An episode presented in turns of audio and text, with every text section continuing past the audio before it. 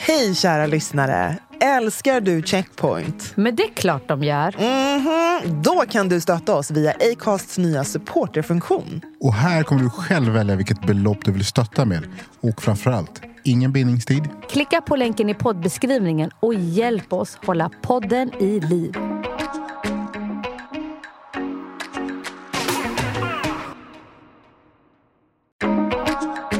Det är lätt att ta beslut om att det är klart vi inte ska förbjuda rasistiska organisationer när du själv inte har speciellt mycket att förlora på det. Eller bli drabbad av det. Och det stör mig. Ja. För jag känner såhär, nej förbjud skiten. Det ska, för, nazister och rasister ska förbjudas. Exakt. Det är inte ett okej sätt att leva och föra sitt liv och tycka om andra människor. Det är livsfarligt och det har historien visat och det har nutiden visat.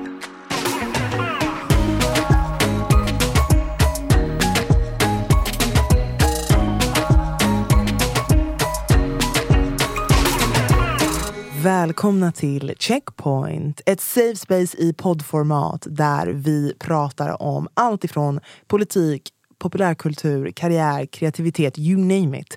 Men kruxet är att det är ur ett svart perspektiv. Och där våra samtal oftast är obekväma men blir väldigt bekväma utifrån våra härliga röster. Verkligen. Oftast med tunga gäster som droppar sanningar. Men vi finns alltid här. Your girl Anbara. Med mig Brandon. Och med mig, Nicole. Otroligt varmt välkommen till vår gäst, Parul Sharma. Tusen tack. Tackar så mycket. Galet, galet. Människorättsjuristen och författaren. Och du, du har ju massa andra otroliga titlar eh, som du får berätta mer om själv. Men, eh, Hjärnforskaren, ja, men titta. musikproducent. Nej, jag Ja, skojar. ja, men Nobelpristagare. ja. Ja, ja. Månlandare. Ja. Men varmt välkommen. Vi är så glada att ha dig här. Tack så hjärtligt. Det betyder oerhört mycket för att jag får delta i er glada skara. Jag har lyssnat på varje avsnitt. Tack för att ni finns. Oh my god, det Nu kommer tårarna direkt. Ja. Nu är det. Jag tror vi avslutar där. Nej. Ja. Ja, men verkligen. Men Parul, för den som råkade missa ditt otroliga sommarprat, bland annat, från 2016 och som kanske inte vet vem det är. Vem är du? Oj, vilken svår, stor existentiell fråga. Men jag brukar introducera mig ehm, i olika sammanhang som människorättsjurist, för det är det jag är till professionen. Men jag har också de senaste 20 åren arbetat väldigt mycket med det vi idag kallar för hållbarhetsfrågor. Eh, och med oerhört stor fokus på västerländsk produktion och ehm, eh, export och import ifrån högriskländer där jag har eh, arbetat i väldigt många år. Och allt vi eh, äter och konsumerar i Sverige är ju i princip producerat i länder som, som inte har det rätt ställt utifrån ett miljöperspektiv eller ett människorättsligt perspektiv. Och det är där jag har arbetat och verkat under väldigt många år. Det, det är så här, vem är du? Och gud, man blir, jag blir alltid så ställd på den. För det liksom, det- arbete pågår kan jag väl säga. Under construction. Ja, verkligen.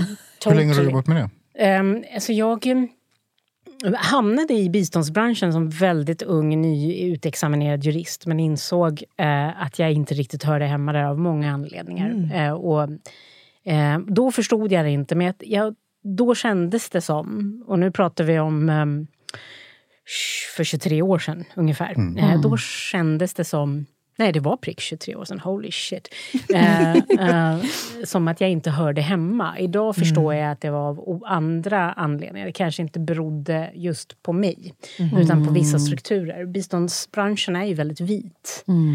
Ehm, och jag, jag kände mig inte hemma helt enkelt. Men sen började jag direkt in i eh, och, och få kontakt eh, hamna ju på olika plattformar där, där jag insåg att eh, jag kanske inte ska vara bland likatänkande alltid. Själva testet för mänskliga rättigheter det är ju att våga vara där man inte har samma eller lika tänk kring de här frågorna. Så jag hamnade liksom i näringslivet, inte på deras payroll då utan som, som en förs- människorättsförsvarare och en granskare. Och, och sen under resans gång och under årens lopp har jag också arbetat för näringslivet. Ehm, och idag så arbetar jag som rådgivare.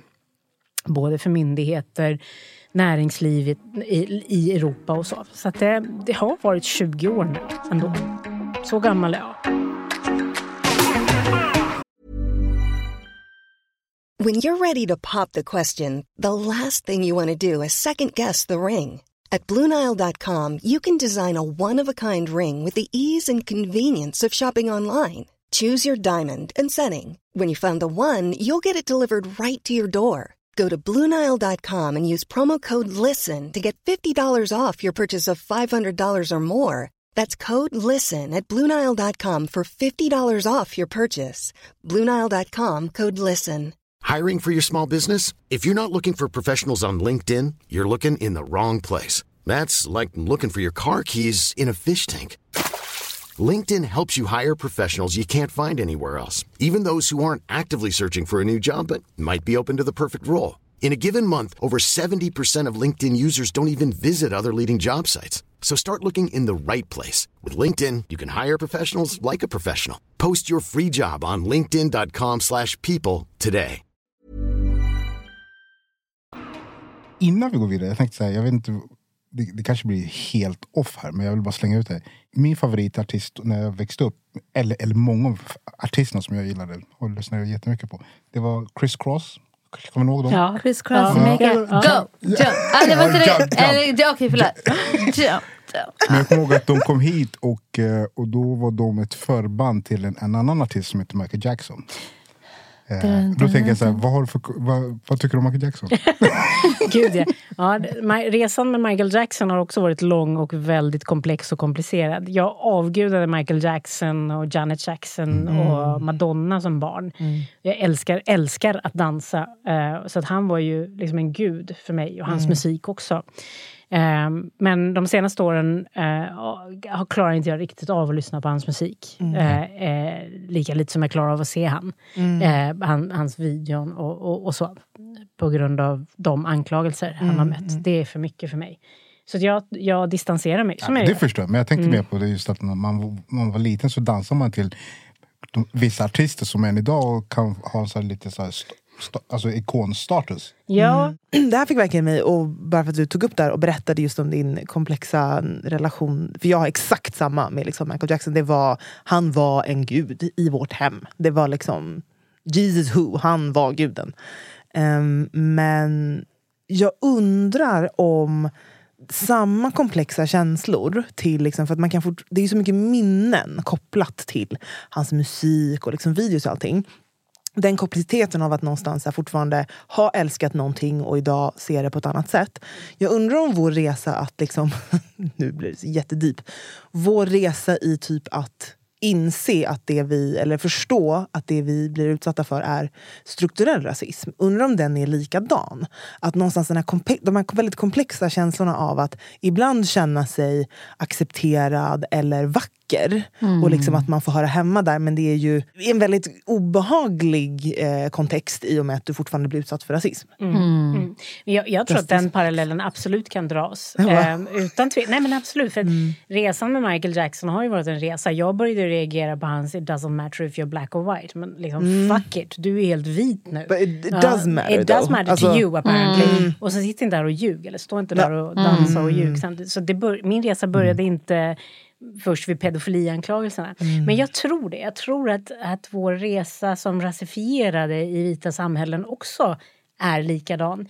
Det är ju så att när jag upplever eh, på 70 80-talet när jag växte upp så då fanns inte terminologin på samma sätt. Minoritetsstress fanns inte, eller det begreppet fanns inte. Det har hörde jag nu för ett år sedan när jag började på Amnesty.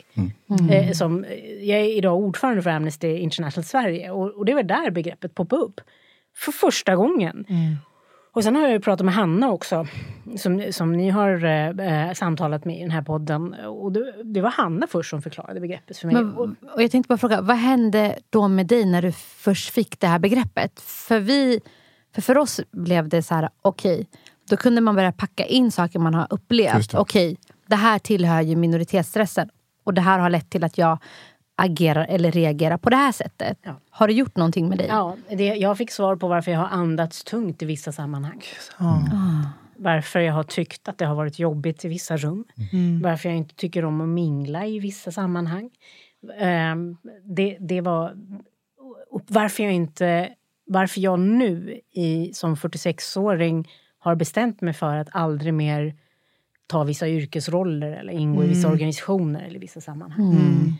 För att jag, Trots att man ändå, du är ändå välutbildad, grym erfarenhet och rätt kompetens. Ändå så fanns det där. jag mår bäst när jag är utanför och får agera utifrån hela min styrka. När jag går in i vissa sammanhang blir jag kompromissad som person och den kompromissen ligger i minoritetsstressen. Och, och, och jag har inte tid, tidigare kunnat förklara detta. Kanske för att jag inte har eftersökt vissa termer men, och att de har kommit när det så var dags antagligen. Men minoritetsstressbegreppet har hjälpt mig mycket. Att förstå mycket om mig själv. Mm. Nicole, du nämnde mitt sommarprat. Mm.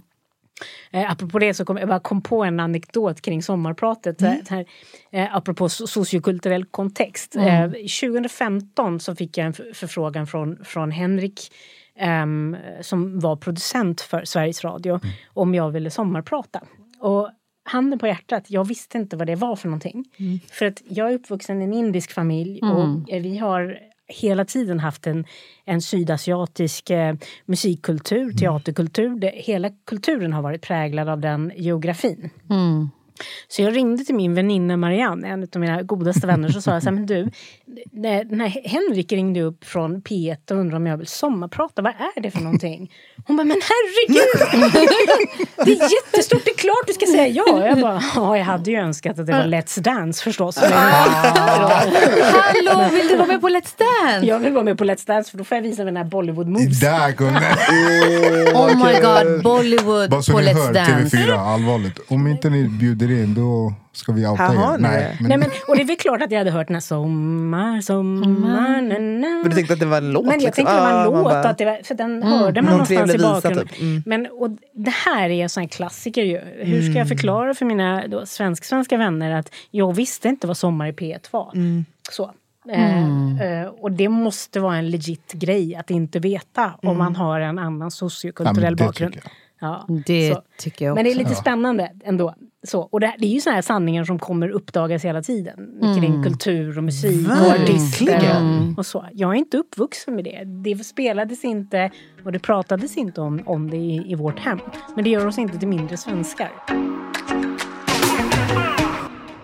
Jag är uppvuxen i en somalisk hushåll och där kollade vi mycket på så här, eller mina föräldrar kollade väldigt mycket på somalisk tv när man kunde vet, ha parabolen och kolla på somalisk tv. Eh, men, och sen kollar många somalier på indisk, indiska filmer, eh, väldigt mycket Bollywood.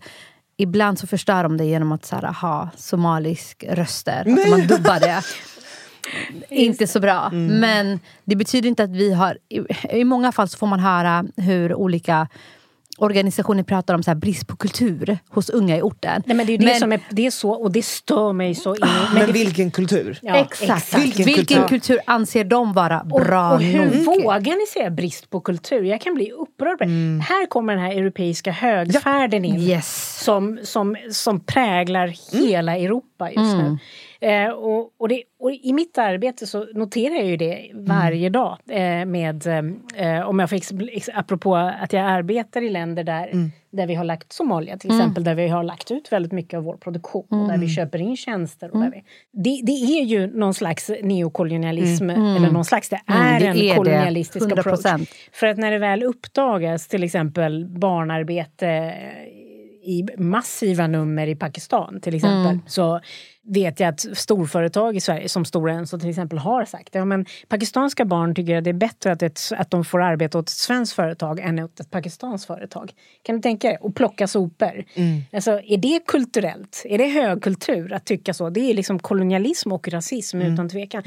Så det finns en europeisk högfärd i, i, väldigt många frågor. Och för att vara en kontinent som kolonialiserade fyra femtedelar av världen så tycker jag det är smutsigt. Och fan, hantera er er historia innan ni innan ni liksom lära kultur i orten. Go and jag, jag kan bli så genuint Ja. upprörd på det. Ja. Med Ja. all rätt, med all rätt. Mm. För att det är hela tiden att vi ska dit och eh, lära ut. Utbilda. Eh, utbilda Få dem att vara lite mer civiliserade. Ja, exakt! Ja, det är Alltså- och exakt så här, samma lära tänk. dem komma in till Ja. samhället. Men om inte vi gör det så kanske någon annan gör det. Därför gör vi det. Mm. Alltså allt för att legitimera Ja. det här som du nämner. Jag menar också att vi fortfarande är...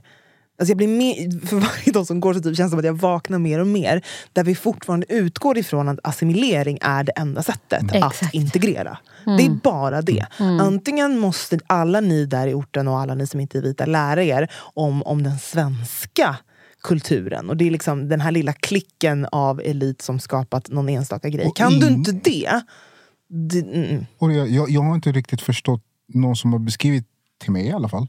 Vad är den svenska kulturen egentligen? Mycket är ju inlånat. Nej, jag vet inte. Nej, men alltså, mycket av den svenska kulturen är ju också inlånat Ja, från andra. Det är jättemycket. Men som... Jag, jag tror att när det gäller begreppet kultur så är ju den extremt individu- individuell. Men att mitt problem är att signalera till olika stadsdelar att eh, eh, den kulturen som ni har i era hem, den platsar inte, den är inte relevant och den kommer inte leda er in i framtiden. Och den kommer också ta möjligheter från er och inte ger möjligheter. Ja. Och det tycker jag är extremt oschysst för att eh, det här är nog en, en sån här aspekt som kommer hämma Sveriges utveckling globalt faktiskt. För, att, för att inget monotont samhälle är liksom självförsörjande på något sätt och, kom, och kommer att, att, att hamna efter i utvecklingen. Så är det. Ehm, och vi får se, nästa år är det val eh, och det är upp till bevis Sverige. Amber, du skickade en, någon som hade fotat när de hade suttit på tåget, eh, på MTR-tåg mellan Stockholm och Göteborg. Så har de ju en skärm inne i tåget där det brukar stå så här, ja, men de här tid, hålltiderna är det på tåget. Och så brukar det vara ett meddelande från kafévagnen. Alltså, kafévagnen är i vagn B.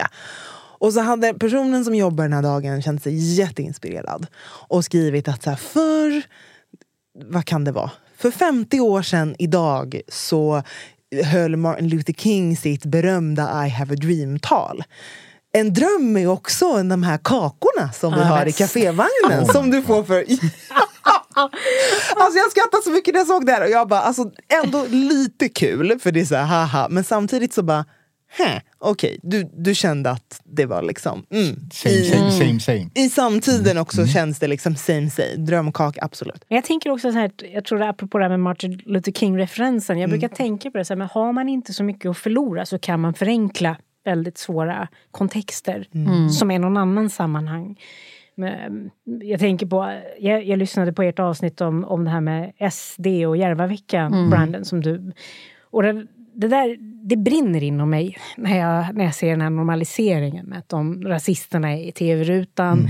Och så, trots det så säger alla så här, men de måste ju få komma in i värmen. Det är ju bättre att de syns. Det blir så här, ja nej, fast de syns överallt. De är i Almedalen, de är så här. Och eh, det, där, det där känner jag att det, det är lätt att ta beslut om att det är klart vi inte ska förbjuda rasistiska organisationer när du själv inte har speciellt mycket att förlora på det. Eller bli drabbad av det. Och det stör mig. För jag känner såhär, nej förbjud skiten. Det ska, för, nazister och rasister ska förbjudas. Exakt. Det är inte ett okej sätt att leva och föra sitt liv och tycka om andra människor. Det är livsfarligt och det har historien visat och det har nutiden visat. Gång Och, på det- gång. men det, det som kan irritera mig det är att det är oviljan att förstå att eh, rasisternas retorik triggar oss. Alltså det triggar igång dåliga minnen. Eh, och när de får vara med på alla de här plattformarna, typ som Järvaveckan. Det är ju någonting som har skapats för brist på representation och inkludering i Almedalen. Okej, men här ska de också få tala. Få tala. Och det är ju... Eh, alltså Järvaveckan hålls ju i områden nära till... Eh, ja, mm, de flesta boende där är ju icke-vita. Mm. Det triggar ju så enormt mycket. Och sen ska barnen också få höra det här. För det, det, Och det tills- polariserar de grupperna ännu mer. Exakt. Eh, alltså kristna och judar och, och muslimer som, Ja. inte, Mm. inte, som redan nu ser sig själva som olika och separerade. Så det- att det- de gör ju inte nå, någon, någon nytta överhuvudtaget. Men de har också varit, det måste, man måste inte ge dem, man må, jag vill ändå säga så här, de har varit otroligt duktiga att hassla sig in i de här rummen och ta över agendan. Men de har ju bara Då- följt Hitlers Då- bok. Ja, alltså, men de har alltså, ju jag gjort här, exakt det är samma så- sak. de måste säga, men, nej, de ska inte, vi ska inte prata om och sånt. Och så ändrar de om och anpassar lite grann kring dagens politiska ton. Och sen helt plötsligt är det någon som tycker att ah, men, men vi anammar. Och sen helt plötsligt är de där. Och helt plötsligt, Fast Brandon, det är inte så jävla, man behöver inte vara så jävla duktig, ärligt talat. Det är inte så Nej. svårt att ta sig igenom. Det är det som är min poäng. Vi, vad är ledarskapet någonstans? Vi har ett lamt ledarskap. Det är, som, det är ingen som vågar ta ställning. Nej, men man ska inte förbjuda såna här. Det är klart de ska få vara med. Varför? Till och med rasifierade är ju tysta i det här. I Almedalen, jag har bojkottat Almedalen i, i över fem år nu. Eh, sen NMR. Och nu, Jag fick frågan senast igår. Ha, så du kommer inte sitta i, i samma panel om vi bjuder in de här NMR eller, eller SD? Ursäkta? Ja, nej men jag sitter inte med rasister och nazister. Jag gör inte det. Jag sitter inte med antidemokrater. Och, och jag står för det. Men vad, vem, vi, måste, vi måste bara få de där, den här, det här ledarskapet att ryta ifrån. Alltså, Ja, det, Det ja, som gör mig rädd är att man är med, alltså så här, det finns en större vilja att respektera deras rätt att få tala än att lyssna på vår, det vi har att säga. Åh, alltså det, det är det som gör mig så rädd. Att Ja. så här, ja, men de ska ju självklart få rätten att prata och yttra sig. Vi har ju yttrandefriheten. Men så fort vi pratar då är det så här är ni inte glada att ni har fått komma till det här landet? Mm. Är ni inte glada för att ni har fått gå i skola här borta? Och sen, alltså så här, vi har gjort det civiliserat. Alltså, typ så här, eller, Gud eller vad att ni vi, gapar efter mycket ja, just nu. Eller säger vi ifrån det så här, men gud vad ni är så arga. Mm. Så allt vi Måste säger... du vara så aggressiv? Mm. Kan du inte bara liksom i en saklig ton? Man bara, jag har inte börjat vara aggressiv. Men det är så intressant hur man tolkar vad aggressivitet är. Jag, alltså för mig blir det så förbluffande att man, man bara förväntar sig att vi hela tiden ska kompromissa på vår integritet men också på vår säkerhet. Att någonstans här, ni, man, man tycker inte ens att det är allvarligt när en person har dött. Då är det fortfarande så, nej men alltså, vi tror inte att det var rasistiskt. Det, det råkade bara bli så. Det var nog ingenting med ras. Man, men, det är precis, jag vet inte om ni vet om det här fallet ehm, eh, Franco X i Tyskland. Som är, jag har lyssnat på en hel dokumentär om det. Så det är, summa summarum så var det en, eh, en man som var i militären. Han jobbade i militär, tyska militären. Hade typ italienskt påbrå men uppvuxen i Tyskland. i en liten ort. Han eh, låtsas parallellt att han är en flykting från Afghanistan. Skaffar liksom fake personnummer, eh, liksom bor delvis på ett flyktingboende och klär ut sig. Och sen så jobbar han i militären. Och han planerar att utföra ett terrordåd på flygplatsen under då sitt alias som en flykting. För att få massan att tro att en flykting har utfört ett dåd. Så att man skulle, man skulle Man ska starta... gå emot dem. Ja, det ska bli en riot. Det var liksom en hel, och de håller på att nysta upp en hel liksom underground. Man kallar det för typ eh, den, den andra militären. För det är massa i militären som egentligen är nynazister. Och den här Franco X har till och med skrivit i sin, när han gick i polis, eller försvar, deras liksom skola, så skrev han en hel dissertation om hur den ariska rasen är. Liksom. Och de hade bara, hör du, du, du kan inte riktigt säga det här. Och då skrev han om den och de bara, okej, okay, you're past. Så att någonstans här också, att man, man har bara valt att blunda. Och det finns en jätte, jättebra eh, poddserie som heter Day X som går igenom hela det här fallet. Men också hur de här grävande journalisterna verkligen har hittat hur gång på gång på gång med rasistiskt motiverade mord, framförallt mot eh, den turkiska befolkningen som är väldigt stor i Tyskland.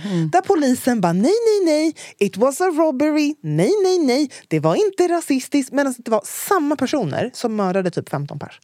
Bara för att de var eh, invandrare. Så också den här oviljan att bara se sanningen i vitögat. Det finns! Rasismen finns, den är här. Jag vill prata om något som du har nyligen gjort som är då släppt den senaste boken som Mm. är då Agenda 2030.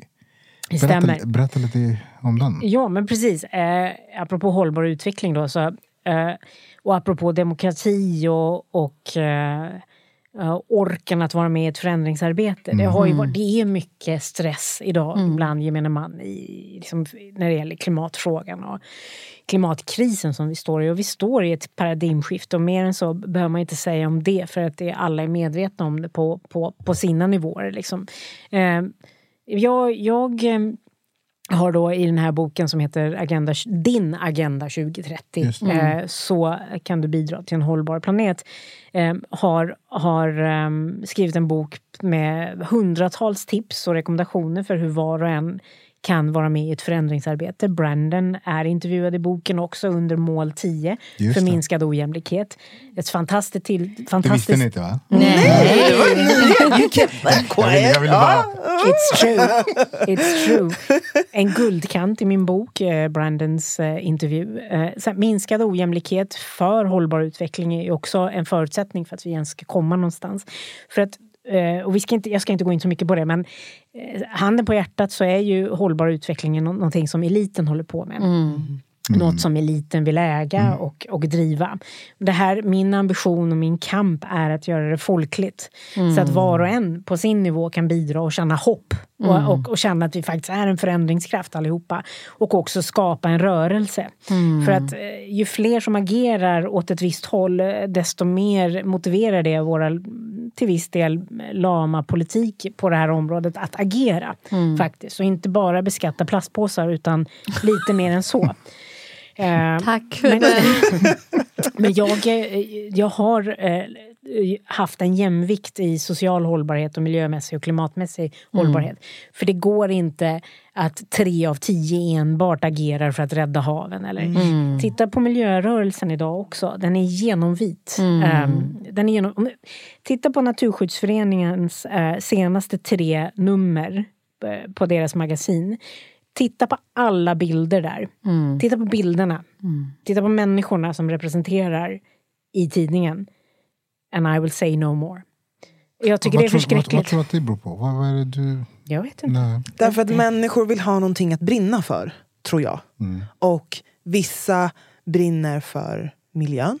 Vissa brinner för jämställdhet. Vissa brinner för eh, jämlikhet. Alltså det är liksom, alla vill kanske vara del av en kamp. Men det är som att vi som har en, som är intersektionella måste ju kunna brinna för flera saker samtidigt. För att det på, flera saker påverkar oss hela tiden.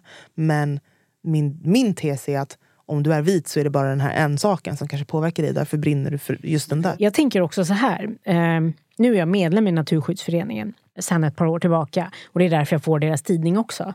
Men jag, varje gång jag slår i tidningen tänker jag så här, ja men bra. Liksom, så som det är bara vita familjer, vita barn, vita umgängen som syns i deras, på, i deras fotografier. Varför ska jag ens som rasifierad mig. känna mig in, intresserad och vilja gå in som medlem? Och, för så är det. Direkt känner jag ett utanförskap. Direkt när jag slår i det. Och jag tänker så här, men stackars mina, alltså barnen i min familj, de ser inte, de kan inte känna sig hemma när de slår i Naturskyddsföreningens tidning. Och jag tänker höra av mig och skriva och säga det till dem. Men Snälla ni. Liksom, det handlar inte om, ni måste bredda er. Här kanske vi har en, en check yourself från dig. Ja, men, nej, men, men alltså grejen är det, för att jag tror, en, jag tänkte på den här check yourself. Eh, och, och den, för, mig, för min del handlar det om att alla, alla som lyssnar idag eh, på den här podcasten, liksom, bidrar du med det här familjeporträttet? Alltså, för det är det det är. Det är, det är, det är liksom personer som ser likadana ut. I, I tidningen du skriver, eller tidningen du prenumererar i eller, eller organisationen du är medlem i eller företaget du arbetar på. Triggar du det här familjeporträttet och är det bara en vit medelklass som syns, reagera då snälla. För att det inga, du öppnar inga dörrar, du stänger dörrar. För till slut tänker jag så här, men jag hör inte hemma här. Liksom, these are not my, these can't be my hoods. Och, och my hoods, det är när det är mångkulturellt. Det är så det är. Och, och, jag, och alla måste få känna sig hemma i en rörelse. Hur skapar man en rörelse? Det, är- det är det som är den stora frågan när vi pratar hållbar utveckling. Så miljörörelsen i Sverige är extremt vit. Eh, och då kan vi titta på fältbiologerna och titta på, på Naturskyddsföreningen, titta på ja, alla möjliga. WWF, liksom, den är väldigt vit. Min stora syster är utbildad eh, kemi och fysikingenjör och sen så la hon till miljöfrågor. Hon har sökt jobb på flera olika företag och organisationer eh, men får typ inga svar tillbaka som svart eh, hijabi kvinna. Ehm, Det gör mig så förbannad. Alltså. Ja, och hon det är, ett så område som är kompetent. så, ja, och det är sån, ett sånt efterfrågat område. Ja, men det roliga är när hon har sökt utanför Sverige till organisationer som jobbar i typ Afrika. Då får hon svar tillbaka. Eh, till exempel så här, "Men vi behöver någon som har den kompetensen du har. Men gud, jobbar du inte i Sverige? För hon, hon var på nivå så här, Alltså jag tar typ en praktik, obetald praktik. Ja, så Hon vill bara få in det på CV. Och då är de så här, va? Har du, inget, har du inte fått någon anställning i Sverige med, med den kompetensen och den utbildningsnivån du har? Men Sverige är ju det landet i Europa där det i princip är omöjligt för ett icke-europeiskt namn att komma till en, en intervju, en arbetsintervju. Och det här finns det forskning på.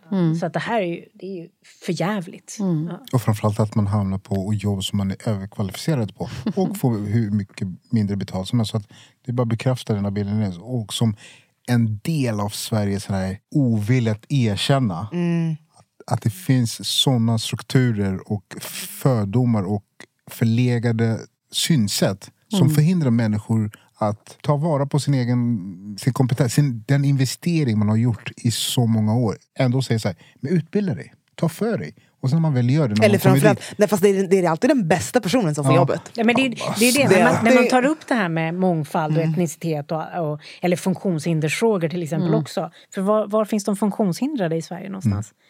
Och så ännu värre om jag är rasifierad och funktionshindrad. God bless me. Liksom, det var, jag har ju ingen plats alls.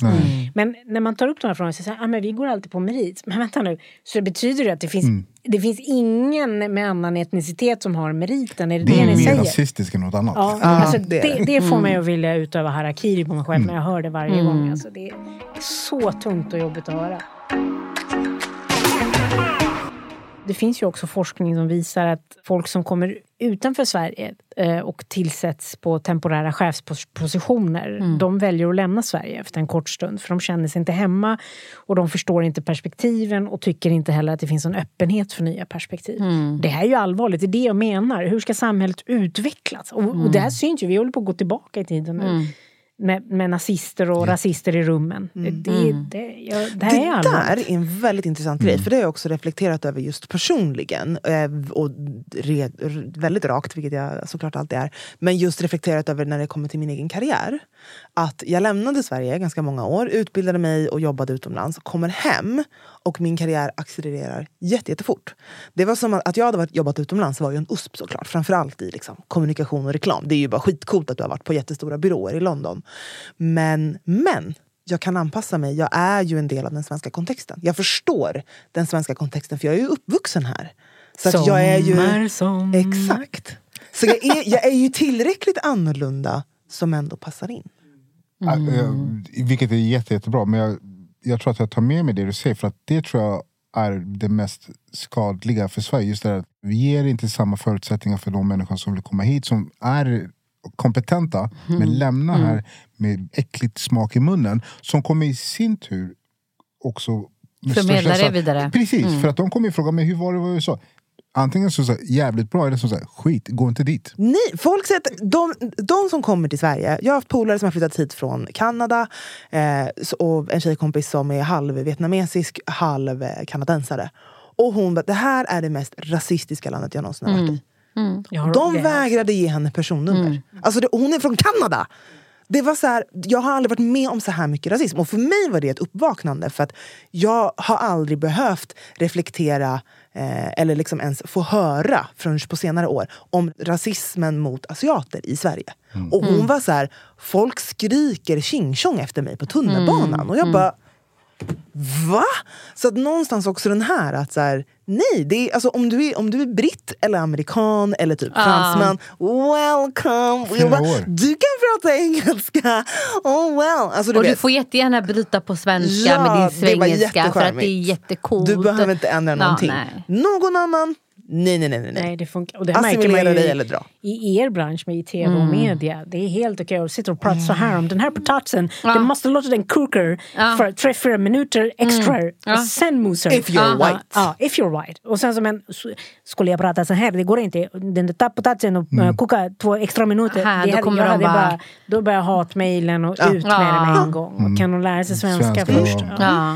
Så det här är ju sanningar liksom, som bara måste ut. Eh, och eh, jag är så tacksam för er podcast. För det är Nej, tack själv. long live Tack checkpoint. själv. Ja. Oh my god, tack själv. Men vi ska inte släppa det ännu. Inte? Nej, nej, nej, Nej. Innan du går så brukar vi alltid dela med oss av en sak. Och det är... What's on repeat this week? Ja, men Jag, jag lyssnar ju bara, apropå sommar i P1, jag lyssnar ju bara på, Men indisk jag musik lyssnar eller? bara på indisk Kör, Det var kör. det bästa med ditt sommarprat. Kör. Alltså gud, jag gick verkligen runt och bara dansade. Det var ju så jävla nice. Ska jag sätta på den eller? Gör det. Eh, säg gärna vad låten heter och artisten. Ah. Eh, alltså det, det är ju en Bollywood-låt eh, som heter Up to Forever. Eh, Och som, som kommer från en film alltså det, som heter... Är det med Shah Rukh Khan? Eh, nej, filmen Tjo, är med... ja, med Jag kollar på? Bollywood. Ja. Ja, det, det är med Saif Ali Khan och Rani Mukherjee. Det är en gammal film från eh, tidigt 20-tal. Ehm, och den är, den är lite, lite så här uh, latino Bollywood-blandning. Så det är lite så här chica chica chica Hey. chica chica re. Och sen så kommer det här indiska inslaget. Fan Ja. vad nice. Ja, Mm. Ska jag sätta på den? ja gör det. Gör det. Chica, chica, chica, that's my chica girl. Ain't nobody get me going better than my chica girl. Chica, chica, chica, that's my chica girl. Ain't nobody get me going better than my chica girl. Ambera. Alltså, gud. Jag har gått in i så här jättegamla låtar. Det är min period just nu. Så min låt för denna vecka är Stevie Wonder, Superstition. Beautiful. Beautiful. Nice. Wow.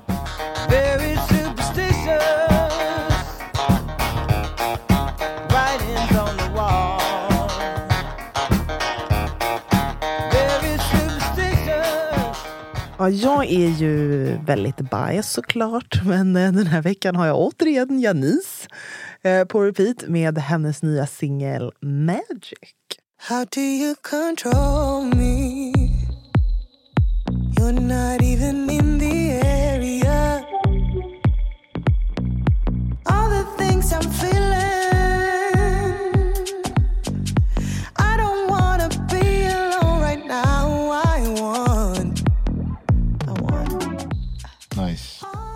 Brandon. Jag går in på lite ragga. Okej. Åh, kul! Anthony B, Broken Dreams.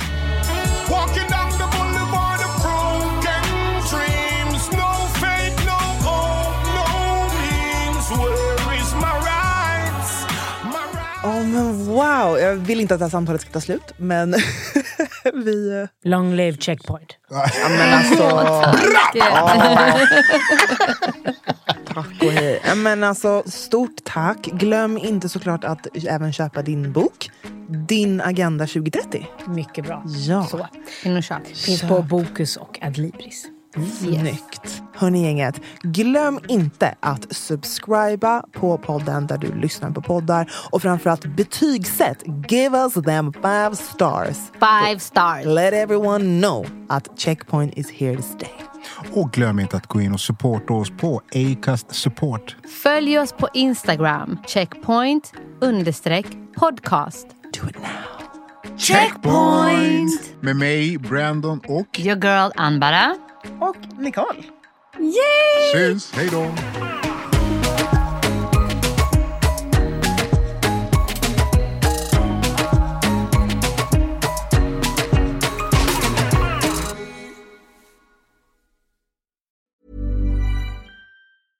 Hey, it's Paige DeSorbo from Giggly Squad. High quality fashion without the price tag. Say hello to Quince. I'm snagging high-end essentials like cozy cashmere sweaters, sleek leather jackets, fine jewelry, and so much more. With Quince being 50 to 80% less than similar brands. And they partner with factories that prioritize safe, ethical, and responsible manufacturing. I love that. Luxury quality within reach. Go to quince.com slash style to get free shipping and 365 day returns on your next order. Quince.com slash style.